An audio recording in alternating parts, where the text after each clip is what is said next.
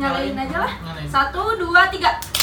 Wah, keren banget nih. Oke, selamat datang di Cariin Cariin Podcast. Podcast. Kita cariin, Kita bacain. kamu dengerin. Iya, benar banget. Kali ini kita bakal kedatangan tamu spesial ya. Siapa tuh? Kayaknya ada dua orang mahasiswa nih dari Unisba yang bakal nemenin kita di sore hari ini. Tunggu dulu dong. Kita perkenalan dulu. Oh iya bener. Nama aku Riza Algifari Nama aku Latifah. dan kita di Cariin Podcast. Gimana nih teman-teman? Apa kabarnya teman-teman semua? Semoga Baik, ya. eh, pandemi kayak gini masih tetap jaga kesehatan dan selalu sehat ya. Hmm, tetap pakai maskernya ya. Iya. Oke, nah, jadi hari ini kita mau ngomongin apa nih? Ngomongin apa? Eh, hari ini kita bakal ngomongin tentang hoax di eh, lingkungan keluarga gitu. Terutama di WhatsApp gitu ya. Iya.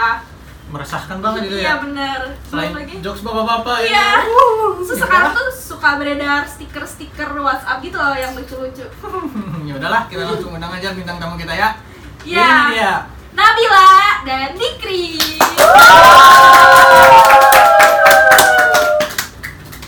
Halo. Halo. Mana nih satu lagi nih? Ini.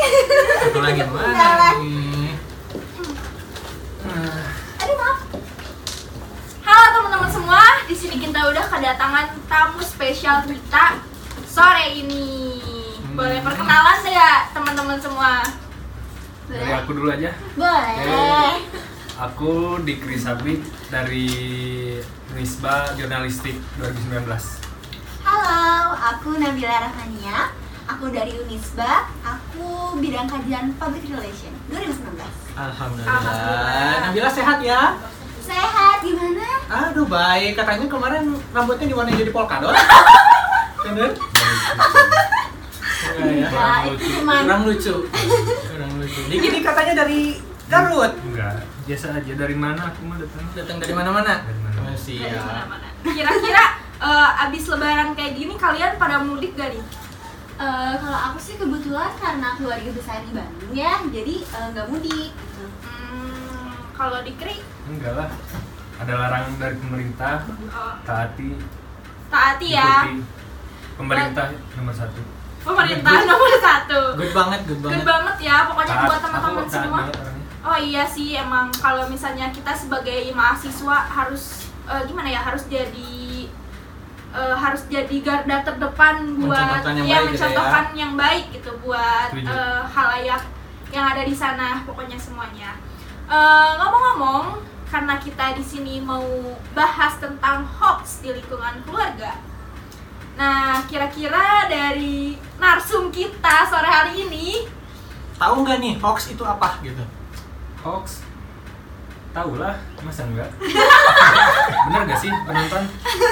Siapa sih yang nggak tahu hoax gitu?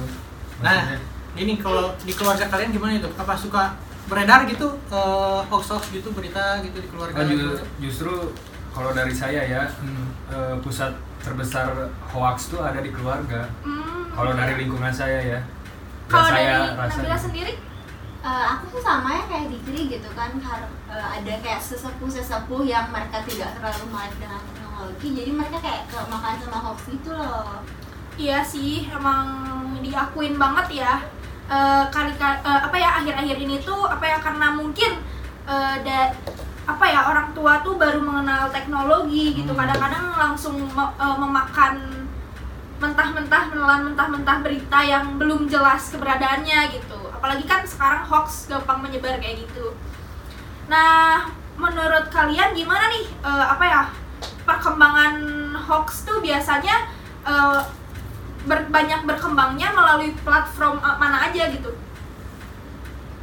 kalau yang saya amati ya eh, hoax apalagi sekarang kan era digital gitu eh, sekarang orang-orang siapa sih yang nggak gunain med- medsos semua kan gunain medsos mau dari anak kecil orang tua remaja kakek-kakek nenek-nenek Hmm. yang udah bau ya pokoknya gitu dong. nggak Bercanda.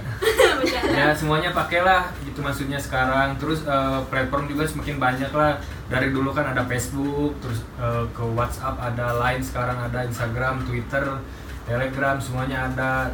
Eh, terkadang lah eh, di situlah pusat-pusat hoax terjadi gitu. Berarti orang tua Dikri memang aktif gitu ya? aktif. Eh, kebetulan orang tua saya tuh eh, yang mengenalkan saya kepada elektronik sebenarnya jadi saya dulu eh, waktu kecil nggak tahu apa-apa terus orang tua saya yang punya duluan Facebook orang tua saya yang Iya memang benar kan? Iya sih. saya diajarin gitu bikin Facebook gimana gitu-gitu jadi ya saya belajar dari orang tua sih Hmm, Kalau iya. Nabila sendiri gimana orang tuanya? Aktif banget nggak gitu? Eh, kalau ibu iya, tapi kalau ayah sih enggak sih. kayak ayah aku ya udahlah eh, misalnya eh, mama lagi mama aku nih lagi sering banget pakai WA terus misalnya mama aku sering banget buka di TikTok aku tuh kayak pengen ikutan gitu kayak gitu sih tapi nggak bener-bener sampai ngikutin tren kalau kayak punya Instagram atau punya Twitter kayak gitu enggak Nah, kalau menurut kalian ini kenapa para orang tua itu kayak kayak mudah banget gitu menyebarkan suatu informasi terutama di grup keluarga gitu ya. Kayak nggak dicek cross check dulu, mereka Iya, langsung benar. nyebarin gitu. Menurut Hmm. kalian faktornya itu apa gitu? Kalau menurut saya sih eh, yang pertama orang tua tuh gak tidak mengerti tabayun.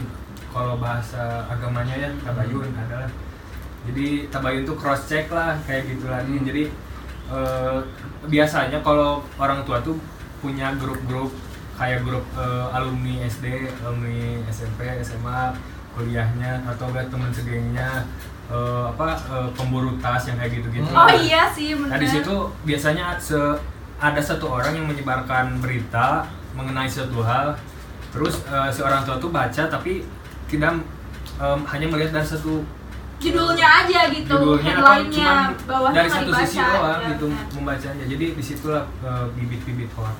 Iya sih benar. Kalau dari Nabila sendiri kayak gimana? Kali ka- kalau dari Nabila sendiri kira-kira punya data nggak sih tentang gimana sih hoax tuh berapa persen berapa persennya gitu penyebaran penyebarannya? Kalau yang aku lihat sendiri sih ya, eh, aku tuh ngeliat kayak banyak banget apa yang tadi dikiri sama itu bener gitu loh kayak banyak banget orang tua yang kemakan sama hoax gitu kan.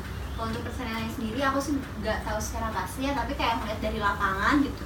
Kayak orang tua tuh bener-bener mudah banget dengan kemakan hoax kayak gitu. Kayak misalnya nih kayak apalagi tentang keagamaan kan orang tua kan kayak suka banget tuh tentang keagamaan gitu kan nah mereka tuh pasti kayak eh ini tentang agama nih harus di share padahal mereka nggak tahu apakah itu benar atau tidak gitu Setuju sih em, yang saya baca juga ya di suatu artikel. Saya lupa lagi lah artikelnya apa.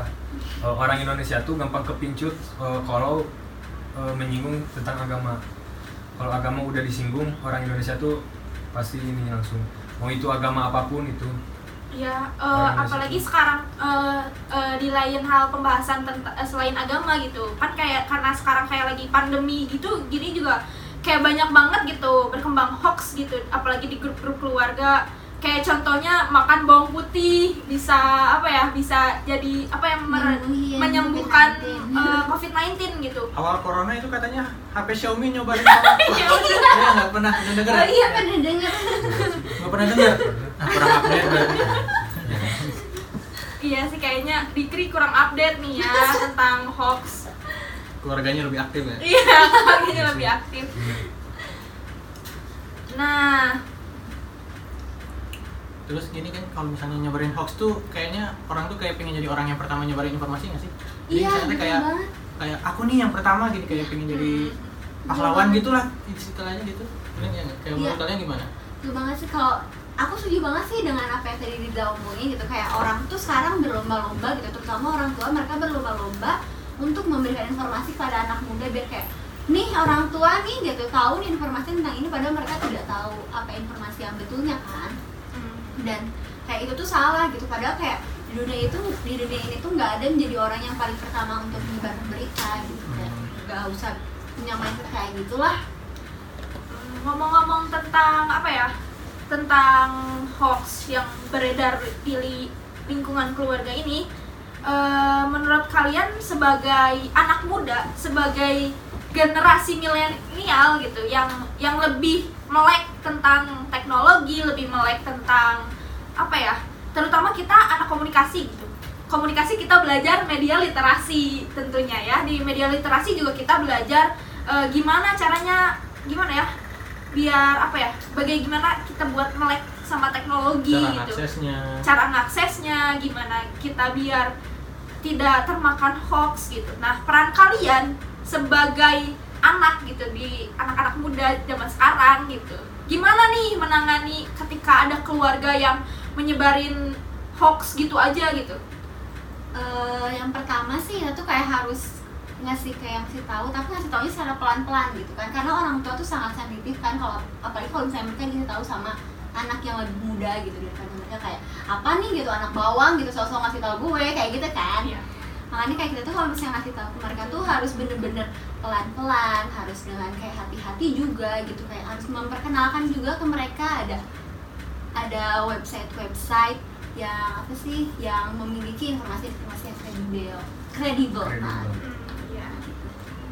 Ngomong-ngomong juga, eh, kita baca ya Za, tem- Hmm. ada hasil penelitian yang dilakukan oleh Mastel tahun 2017 menyebutkan bahwa saluran yang banyak digunakan dalam penyebaran hoax eh, ada di situs web sebesar 34,90%.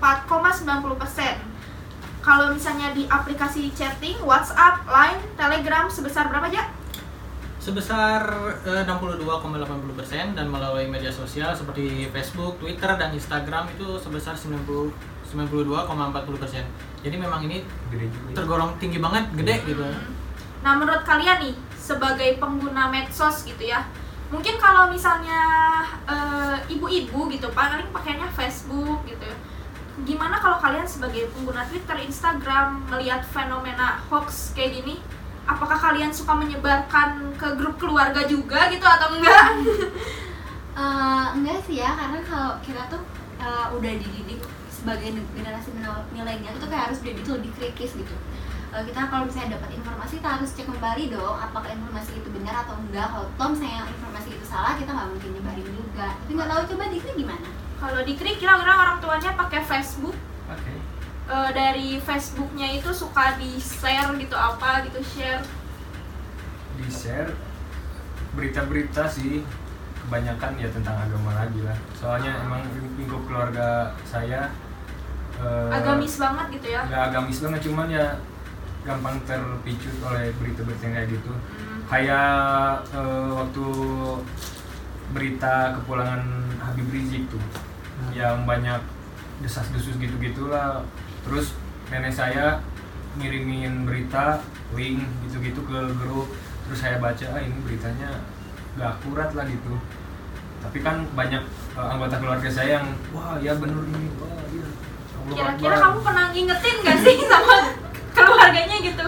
Ya kalau ngingetin sih lingkup keluarga saya dulu lah, ibu ayah yang paling deket lah. Soalnya eh, kalau misalnya ke keluarga besar tuh karena gak satu, gak satu tempat, gak satu atap kan. Jadi kalau misalnya dari kalau dari chatting ya eh, apa kurang enak lah ngasih taunya. Kalau misalnya ke ayah ibu sih sering ngajarin, bukan ngajarin sih ngasih tahu yang ngasih tahu buat cross check tabayun kayak gitu.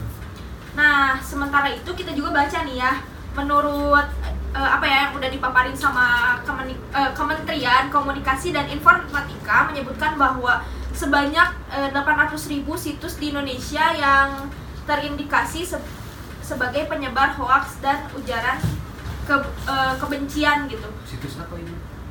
Ya mungkin dari tadi yang persenan-persenan tadi yang udah disebutin nah mungkin menurut kalian gimana ya maksudnya eh, apa sebanyak 800 ribu banyak ujaran kebencian ini tuh di keluarga kalian juga suka ada yang ngompor-ngomporin gitu di grup WhatsApp gitu hoax-hoax tentang Terutama yang kebencian tadi yang agama tadi itu keluarga Dikri kan Iya. kayaknya kayak kayak misalnya kayak mendukung satu Iya. dikomporin ya. Kayak ujaran-ujaran kebencian Pilpres gitu ya. Waktu zaman pilpres eh, yang kemarin yang Jokowi Prabowo kan itu marak banget hoax. Oh, banyak ujaran kebencian Oh, iya. gitu ya Di Nabila sendiri gimana Nabila keluarganya? Kalau di keluarga aku sih nggak seagamis keluarga Dikri ya kebetulan walaupun ada satu kayak yang paling tua tuh dia agamis banget dan paling kalau di keluarga aku tuh ke sirap sama berita-berita hoaxnya tuh tentang itu kayak pilpres kemarin kayak sampai ada ini ade sama kakak tuh bener-bener berantem gara-gara Iya sih, ada ya. berita hoax gitu kan. Hmm. paling gitu doang. Bener sih bener sih. Aku juga pernah dengar-dengar eh, apa ya kalau misalnya si apa ya penyebaran hoax tuh kadang malah jadi pertengkaran keluarga gitu ya gara-gara hoax. Makanya jangan punya keluarga. Gitu. yang maksudnya yang yang suka menyebarkan hoax. ya ya kok gelap ya? Kok gelap ya terus eh, ada eh, eh, kita juga eh, dapat info juga nih. Kalau misalnya menurut analisis kominfo penyebaran hoax cenderung sama orang tua yang berusia 45 tahun ke atas. Nah itu berarti kan kayaknya mereka kurang edukasi gitu berarti tentang Bapas-bapas. tentang eh, tentang menyebarkan bersuatu berita. Kalau menurut kalian harusnya sepenting apa sih edukasi untuk menyebarkan berita gitu untuk menangkal hoax gitu? Iya, banget lah. Terutama untuk usia yang ini nih 45 tahun ke atas ini. Penting banget. Eh, menurut saya sih harus ada program lah suatu program dari pemerintah sih. Eh, kayak edukasi mengedukasi orang-orang tua gitu ya khususnya buat ngajarin gimana sih cara menangkal hoax berita-berita gitu. Kan sekarang banyak banget tuh buzzer banyak banget eh, situs-situs yang kurang kredibel. Ya pemerintah harus eh, ngasih suatu hal buat masyarakat terutama orang tua buat menanggulangi semua itu mungkin harus karena udah liur aku udah liar banget ya? Iya. jadi Nabila gimana Nabila? Aku sih sama sih ya kayak dikira gitu kan Eh, apalagi khususnya kayak misalnya buat kita atau misalnya. Mungkin ada yang umur 45 tahun juga ada yang melek tentang teknologi mereka harus ngasih tahu nih gitu ini nggak benar kayak gitu. Hmm. oke oke Nah, kalau misalnya menurut kalian sendiri gitu, penanganan hoax, hoax, hoax, penanganan hoax yang gimana ya, yang menurut kalian efektif gitu di di, di apa ya di, diimplementasikan di lingkungan keluarga kalian tuh yang kayak gimana gitu, harus ada apa gitu? Kalau menurut aku sih ya pertama kali tuh kita harus mendekati orang yang menyebarkan informasi waktu itu loh kayak harus eh, misalnya kita chat tapi kayak personal chat gitu loh kayak eh tante maaf gitu kan. Yang kemarin itu beritanya gini gini gini gitu kita juga harus kayak sopan gitu dengan bahasa yang sopan. Setelah itu juga kita harus mengajak dan memperkenalkan ada ada website website yang udah kredibel nih yang yang memberikan informasi-informasi yang benar gitu eh, kepada mereka mereka itu kepada yang yang lebih tua gitu kan Itu apa sih disebutnya kalau misalnya kita yang ngajak-ngajak gitu apa sih? Eh, itu disebutnya dengan hoaxbuster Oh, hoaxbuster ya ya. jadi kayak kita menjadi penetralisir informasi dari informasi hoax gitu Oh, kita iya. menjadi kayak eh, apa sih kayak obat lah gitu biar gak ada informasi hoax lagi selain itu juga kita harus em, melakukan cek and recheck kembali tentang informasi yang kita eh, kita sebarkan atau yang mereka sebarkan gitu biar kayak hoax ini harus di stop gitu biar eh, gak ada lagi yang kemakan kemakan informasi palsu. Jadi sepenting itu ya hoax buster di dalam keluarga itu ya? Iya iya penting banget. Ghostbuster. Beda sih. Beda dong Ghostbuster. Ya buster busteran lah semua. Kalau dari aku sih eh, aku selalu nekenin ke semua anggota keluarga aku buat apa buat kalau melihat suatu hal tuh baik berita terlepas berita terlepas apa pun lah eh, melihat sesuatu tuh jangan dari satu sudut pandang Iya sih. itu sih menurut aku aku selalu ngasih tahu ke keluarga ke teman-teman dekat gitu Dan tentunya baca dari eh, yang Kredibel, gitu iya, ya. kredibel. Nah, Nah, eh, kira-kira kalian punya kiat-kiat gak sih gitu untuk menghadapi anggota keluarga yang menyebarkan hoax gitu? Hmm, terutama kan tadi di keluarga besar juga kata Dikri agak susah gitu ya Iya. untuk apa ngasih tahunya gitu selain karena faktor apa ada kesenjangan atau nggak kurang dekat gitu sama keluarga jadi agak kurang enak gitu ngasih tahu juga jadi e, dari kalian apakah ada kiat-kiatnya nggak gitu kalau dari aku sih seperti ada apa yang aku bilang ya harus ada hoax basarnya dulu gitu kan biar kayak ini tuh para penyebar hoax tuh biar harus di stop gitu. Terus kita juga harus kayak bener-bener ngedeketin dulu sesopan mungkin sesantun mungkin kepada orang yang menyebarkan. Apalagi oh biasanya orang yang menyebarkan itu pada orang orang tua ya. Hmm. jadi kayak kita harus bener-bener sopan banget harus bener-bener baik gitu kan ke mereka. Biar mereka juga ngerti mereka paham dan mereka tidak tersinggung mudah gitu. Terus kita juga harus memperkenalkan ke mereka gitu kan eh, informasi-informasi yang benar. Terus kita juga harus ngajak mereka yuk kita mulai cek and recheck kayak gitu. Dari Dikri sendiri gimana dari Dikri? Kalau dari aku sih eh, langkah-langkah yang eh, apa yang aku ambil ya kalau aku pribadi. Eh, aku mengedukasi orang-orang yang seumuran aku dulu. Hmm.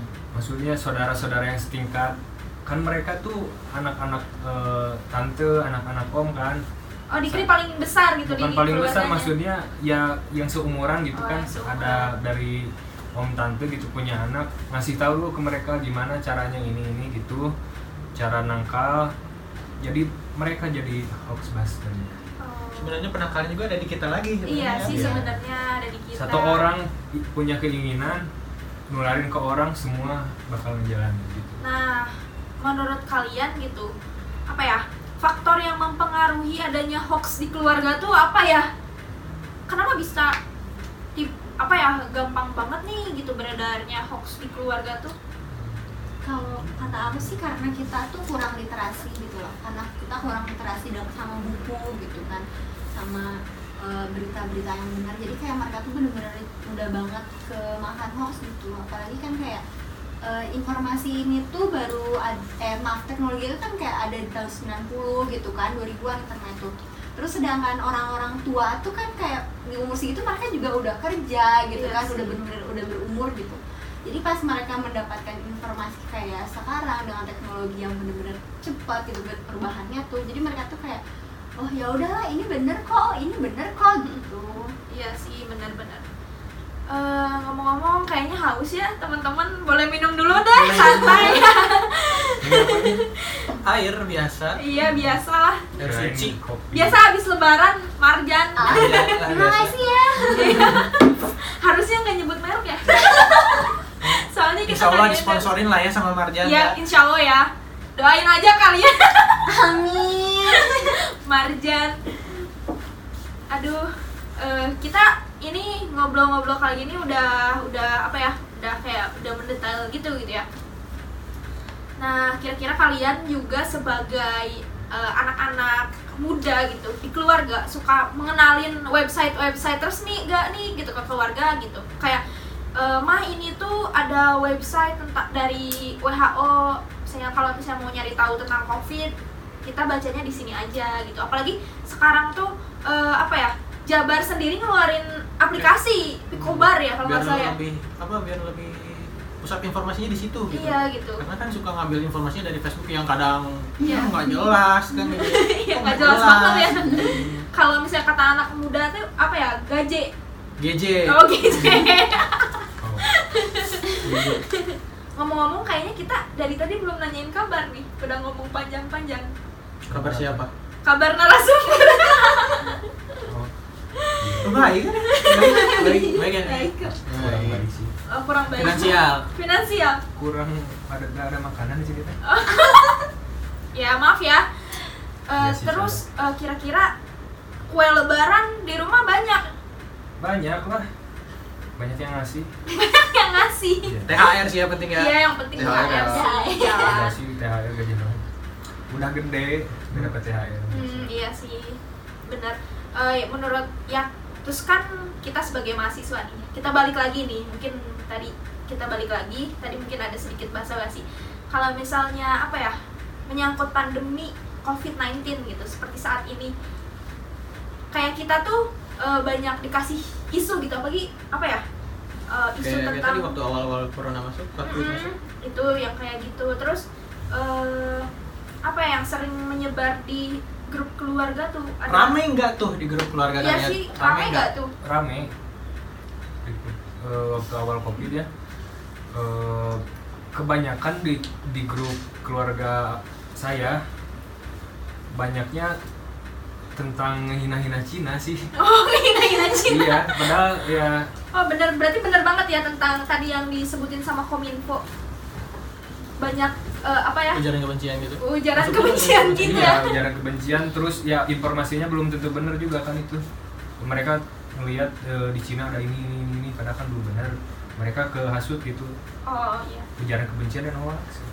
Nabila gimana nih Nabila? kill kalau di keluarga aku sendiri sih banyaknya tuh kayak sama obat-obatan gitu loh sama kayak eh ini bisa loh nyembuhin covid eh ini bisa loh nyembuhin covid Iya. terus kayak mereka tuh heboh dengan kayak informasi Indonesia nggak di lockdown gara-gara ini Indonesia uh, ngelakuin ini gara-gara ini kayak bener-bener mereka heboh dengan sesuatu yang sebenarnya uh, pemerintah lakukan tuh untuk kebaikan kita sendiri gitu Ya. Nah, kalian sendiri pernah nggak nyebarin berita hoax itu? enggak Baik di keluarga atau di luar gitu? pernah sih kalau aku di grup temen-temen cuman bercanda doang gitu Oh iya sih. Ya, biasa Ya mungkin eh, pengen tahu juga nih dari kalian gimana sih tanggapannya tentang apa ya kurangnya literasi di keluarga gitu. Menurut kalian kayak gimana sih? Kalau misalnya tanggapan kalian tentang keluarga, ketika keluarga kurang literasi itu kayak gimana gitu? Kalau menurut aku sih kurangnya literasi itu tuh bisa jadi hoax gitu kan Iya. selain uh, hoax juga mereka tuh jadi cepat kesinggung atau misalnya mereka tuh cepat ke bawah-bawah arus gitu misalnya kayak sekarang nih misalnya uh, arusnya uh, ngelihat kayak yang Gaza Palestina gitu misalnya ya Iya. eh, pas Pal- Palestina Israel gitu mereka ke bawah-bawah arus dengan berita-berita hoax tentang Palestina atau Israel atau misalnya kayak Hmm. uh, inform- kayak yang si simpelnya kayak kemarin yang TikTok kan setahu nggak salah ya atau yang selebgram gitu yang dia bikin informasi tentang apa yang terjadi di Israel sama Gaza kayak Israel sama Palestina itu gara-gara mereka kurang kurang literasi kan kayak gitu Oh yang dikeluarin dari sekolah itu ya? Oh iya sih. oh yang Iya. Pokoknya bahasanya kasar lah ya. Kita Iya. kan anak anak mahasiswa gak Mahasiswa boleh lah ya ngomong kasar. Iya. Eh kalau menurut kalian yang ibu-ibu yang COD itu kurang literasi kurang tahu aku. kalau itu sih ibu-ibunya kurang kalau menurut aku ya Hmm. kalau si ibu-ibu itu kurang paham apa sih tugas dari seorang kurir gitu. Karena sebagai seorang kurir kan tentu saja mereka cuma mengirimkan barang ya. Kalau aku tahunya yang ini yang ada eh, bapak-bapak videoin kasir Indomaret. Ah, yang marah- anaknya marah, itu. itu ngakak sih sekaligus eh, emosi saya. Terus ini eh, apa sebelum Lebaran tuh banyak berita tentang babi ngepet. oh iya yang di Bekasi apa nih juga hoaxnya kayaknya. ya itu Ya. hoax Menurut kalian gitu, menurut kalian di di keluarga kalian tuh rame gak sih tentang hoax babi ngepet babi ngepet? Terus kalian percaya gak sih tentang babi ngepet? percaya cuman kalau yang kemarin kasusnya itu bukan babi ngepet Oh berarti pernah ya melakukan ya ngepet? enggak lah masih punya duit nanti kalau udah nggak punya insya Allah enggak Oh iya. Jangan sampai lah ya. Jangan sampai lah ya kan kita Universitas Islam Bandung nggak boleh dong ngepet.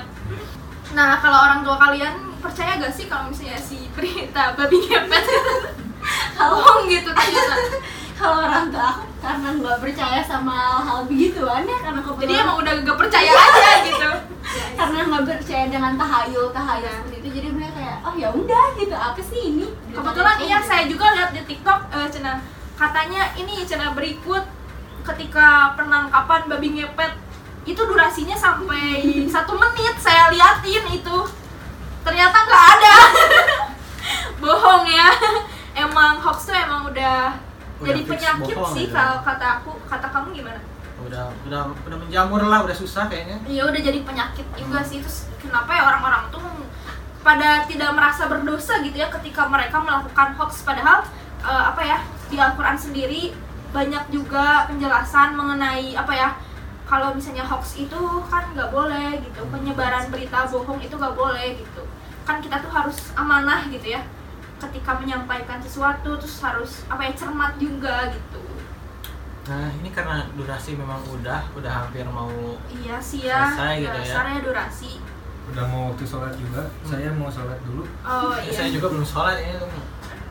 Ya Nah, mungkin kesimpulan yang bisa kita ambil mungkin peristiwa penyebaran berita hoax ini meresahkan masyarakat ya sangat. eh, di Indonesia. Dan biasanya hoax ini menyebar di media sosial ya seperti tadi yang Dikri sampaikan tadi eh, di Facebook, WhatsApp, eh, Instagram, Twitter dan lain sebagainya bahkan di website-website juga banyak penyebaran berita hoax dan khususnya yang sedang kita bahas di sekarang ini di grup keluarga. Nah, eh, berdasarkan penelitian tadi eh, di yang dilakukan oleh Mastel 2017 bahwa aplikasi apa penyebaran berita hoax itu persenannya di aplikasi chatting sebesar 62,80 persen. Itu tuh apa ya orang-orang tua juga sering ap- apa ya maksudnya menggunakan media sosial chatting tersebut ya. Terus tadi juga dari apa dari Facebook, IG dan Twitter sampai 92,40 persen. Kan tinggi banget ya. Terus dalam menangani hoax ini juga kita harus adanya eh, hoax buster ya yang tadi disebutin sama Nabila gitu. Itu kita sendiri sebagai Eh, host kita dalam keluarga. kita sendiri ha- yang harus menjadi hoax buster gitu dalam keluarga. Yang ber- tentunya berperan penting banget gitu untuk menetralisir penyebaran berita hoax. penyebaran berita hoax Iya penyebaran sih. berita hoax sih Kita menye- sebenarnya gitu. Hmm. mungkin cukup ya kita ngobrolnya udah panjang banget ya sekarang. Aduh nggak kerasa ya. Yaudah, udah gelap aja. tutup aja lah ini podcast sudah. Iya tutup aja lah mungkin tagline dulu kali ya sekalian boleh. Boleh deh. Cariin podcast. Kita cariin. Kita bacain. Kamu, kamu dengerin. dengerin. Dadah. Matiin lagi yuk. Satu dua tiga.